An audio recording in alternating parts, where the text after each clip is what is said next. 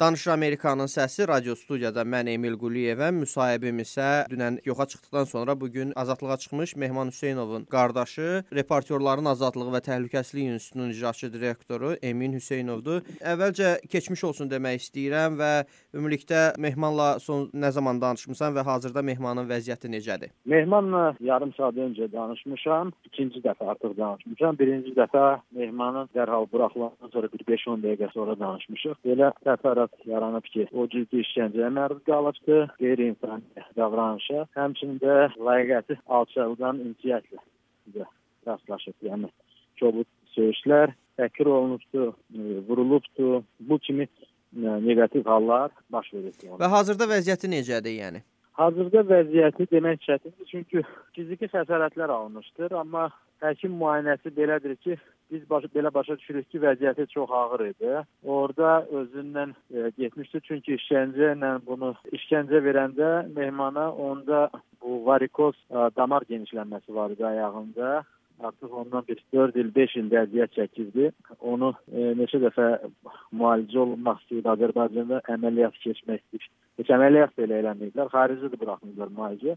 Burada ə, e, həmin elə təəssüfən o ayağından bu şəxslər o mehmanı ə, e, elektroşokla vurublar onu və nəticədə belə deyək, halı çox pisləşibdi, sudurqa keçiribdi, skoru çağırıblar, yəni təcili tibbi yardım. Təcili tibbi yardım çağırandan sonra isə ona hətta 2 dənə mənşəyi bəlli olmayan iynə də vurublar. Həmin iynələrdən sonra biraz ə, halı qeyri-müəyyən olub və o belə deyək, ağır yuxuya gedib bir də deyir ki, səhər oyandım ağrılarda. Ya yuxu dərmanı olub, ya kəskin ağrı kəsici olubsa, nə olubsa, indi demək biraz çətindir, amma hər halda biz çalışacağıq bunu müəyyən edək. İndi e, istəyir ki, müstəqil həkim müayinəsindən keçsin mehman və biz çalışırıq ki, bu müstəqil həkim müayinəsi imkanını həm ölkə daxilində baxaq, həm də ölkə xaricində görək bunu necə edə bilərik? Ümumilikdə qısaca olaraq bildirə bilərsinizmi? Dünəndən bəri nə baş verib, nə nələr sizə məlumdur və ə, bu işgəncə söylədiyiniz, yəni ki, bu işgəncə faktları harada baş verib? Yəni polis idarəsindəmi, yoxsa Bu hadisələr baş veribdi həm o saxlanılanda, həm polis idarəsində. Ə, polis idarəsində aparılıbdı. Sonra mütəşəkkil cinayətkarlıqla mübarizə idarəsinə aparılmışdı.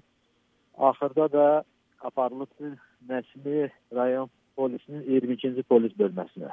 Polis bölməsi artıq bir neçə şəxsin o cümlədən mənim işim üzrə kifayət qədər ictimaiyyətə geniş tanınıbdır. Orada insanları saxlayarkən döyürlər də, incidirlər də, işgəncəyə də məruz qalırlar. İndi mən özüm 2008-ci həmin bölmədə mən qız qalmışam işgəncəyə və sonradan Avropa İnsan Hüquqları Məhkəməsinə müraciət edərək həmin işi udmuşam sübut olunub ki, məhkəmədə ki, mənə işgəncə verilib qanunsuz olaraq və Azərbaycan iqtisadiyyatı kompensasiya verir buna görə. Əlbəttə ki, dünəndən bəri ə, e, siz özünüz də ə, e, Facebook vasitəsilə açıqlama verdiniz, bildirdiniz ki, Mehman ə, e, Hüseynov oğurlanıb. Kimlər tərəfindən bu hadisənin ilk öncə törədildiyini düşünürsünüz və hansı işlə bağlı ola bilər? Yəni bu birbaşa sizin ə, apardığınız fəaliyyətlə bağlıdır, yoxsa onun məhz özünün ə, son zamanlar ə, apardığı araşdırmalarla bağlı ola bilər, yoxsa ümumilikdə yəni ə, bu baş vermiş bir insidentdir? Hər ikisi ilə bağlıdır, amma daha çox bu nə təsadüf edir? biz 3 gün öncə Avropa Şurasına xüsusi birgə müraciət layihəsi hazırlamışıq. Yəni bizim təşkilat reportyorların azadlığı və təhlükəsizlik institutu digər Azərbaycandakı tərəfdaşlarla birgə bu məktubu hazırlayarkən ə, geniş belə deyək və tanınmış ictimai siyasi xadimlərə imzalamaq üçün onu təqdim eləmişik. Bu işlə məhz Rasiya sədri olaraq ə, Mehman Hüseynov məşğul edir və sab dünənləri saat 8-ə qədər bu imza toplama kampaniyası ə, e, davam etməli idi və yekunda Mehman bu ə, e, imza atdıq. Bu sənədə imza atan şəxslərin yekun vahid siyasətini tərtib edib ə, e, daha sonra beynəlxalq qurumlara o cümlədən Avropa Şurası Parlament Assambleyası üzərindən ünvanlamalı idi. Ola bilsin bununla ə, bağlıdır.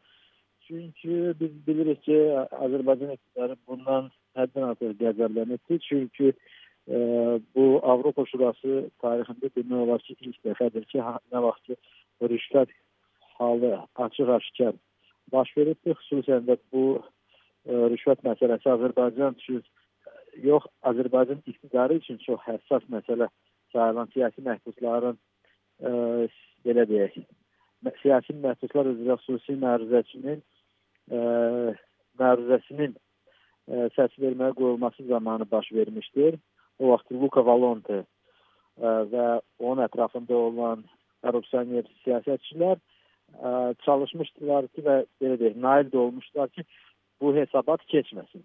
Düz 3 il sonra buna canlı şahid oluruq ki, ə, həqiqətən də misli görünməmiş ə, miqyasda korrupsiya halı baş veribdir. Dövlət müəssisəsindən müxtəlif offshore ə, şirkətlərin vasitəsilə həmin ə, Luka Valontunun tabiçiliyində olan şirkətlərə, qeyri-hökumət təşkilatlarına özünə müəyyən çeşidli pullar keçirilib. O pulları təkcə özünə yox, digər Avropa Şurası Parlament Assambleyasına paylayıb və biz istəyirik ki, bu məsələni qaldırmaqla bu məsələnin sonuna kimi üstünə gedək və diqqətdə saxlayaq. Məhz bu baxımdan biz hesab edirik ki, bəlkə də bu həbs ə, onunla bağlı idi. Soruşmaq olar ki, nəyə görə Mehman Hüseynov bizdən buraxılıbdı?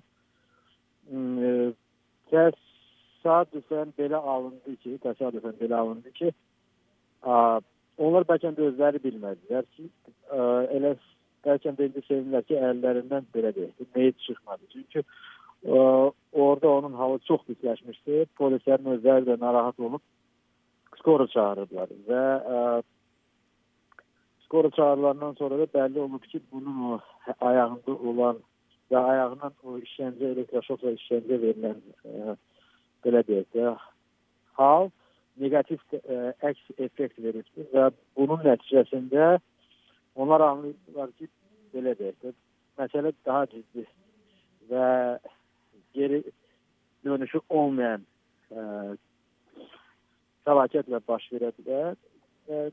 Nəticələri bəlli oldu ki, onu buraxmaq qərarına gəldi. Mehman ə, özü sizinlə telefon söhbətində və s. yəni ə, bu onların kim olduğuna dair və yaxud da belə deyək, ona işgəncə verilən zaman həmin şəxslər kim tərəfindən belə deyək də göndərildiklərini və bu addımların nə üçün atdıqlarını həmin ifadə ediblərmi? arasında, həmin şəxslərin arasında mütəşəkkil cinayətkarlığa qarşı mübarizə idarəsinin rəis müavini də var idi. Yəni Mehman onu tanıyıbdı, mitinqlərdən onu görübdü mitinqlərdə gördüyü mülki geyimli polislərin bir neçəsində orada görübdü.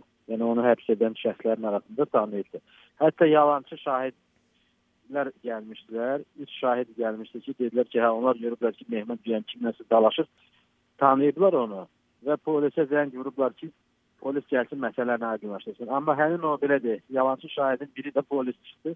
Elə məhkəmədə də Mehman orada bildirdi ki, siz mülki geyimli polis idiniz mitinqlərdə gəlib sizi o vaxtdan tanıyıram. Hətta açdı smartfonda, vəkilin smartfonu ilə həmin şəxsin şəklini belə tapıb göstərdi məhkəmədə. Və ə, Mehman, ə, yəni belə bir hadisə, daha doğrusu təxribat xarakterli hadisə bundan əvvəl də bir qədər öncə də Mehmanın başına gəlmək üzrə idi. Yəni ən azından özü bu barədə açıqlama vermişdi.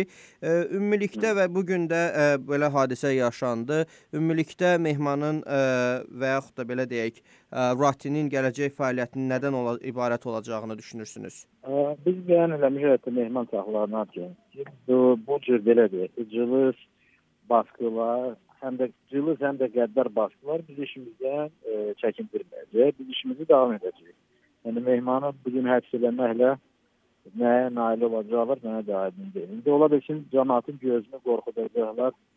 Zaten onu e, qorxudurlar və açıq-aşkar insanlar görürlər ki, jur, tanınmış jurnalisti, blogeri, hüquq müdafiəçisini e, şəhərin mərkəzi küçəsi, Nizami küçəsinin yaxın bir yerdə ə, Nizami kinoteatrının yanından oğurlayırlar. Bir 50 nəfər şahid olur bu oğurlamanı.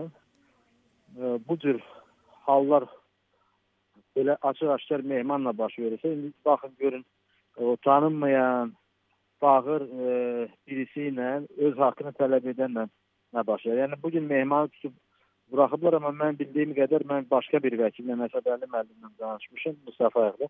Başqa bir e, gənc siyasi fəalı tutublar, aparıblar harasa. onunla bağlı da məhkəməçi heç bütün media ilə Mehmanla bağlı ə, danışırdı, amma o yazıq uşağından heç adı kim idi, nəçi idi bəlli olmadı. Çünki hamımızın başı qarışıb belə bu məsələyə.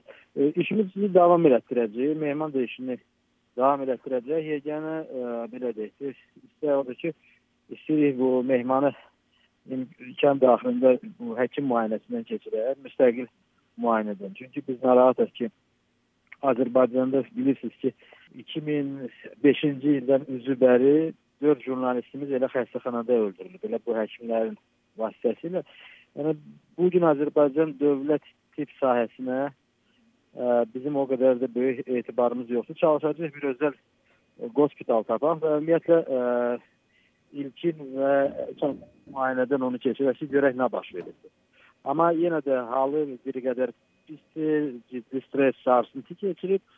Əlaxüsus belə deyək də burnundan qan açılmışdı və bizi onun narahat, ən çox narahat edənsə bax həmin polisin də ola bilsin belə deyək də və yaxud bu iqtidarın da çəkinəcəyi bir şey o idi ki, dedilər birdən o varikoz ə, ə, venasında nəsə baş verər, tromb əmələ gələr, bir şey ə, ağır fəlakət baş verər, sonra onun altından çıxa bilməzlər. Ona görə buraxıblar.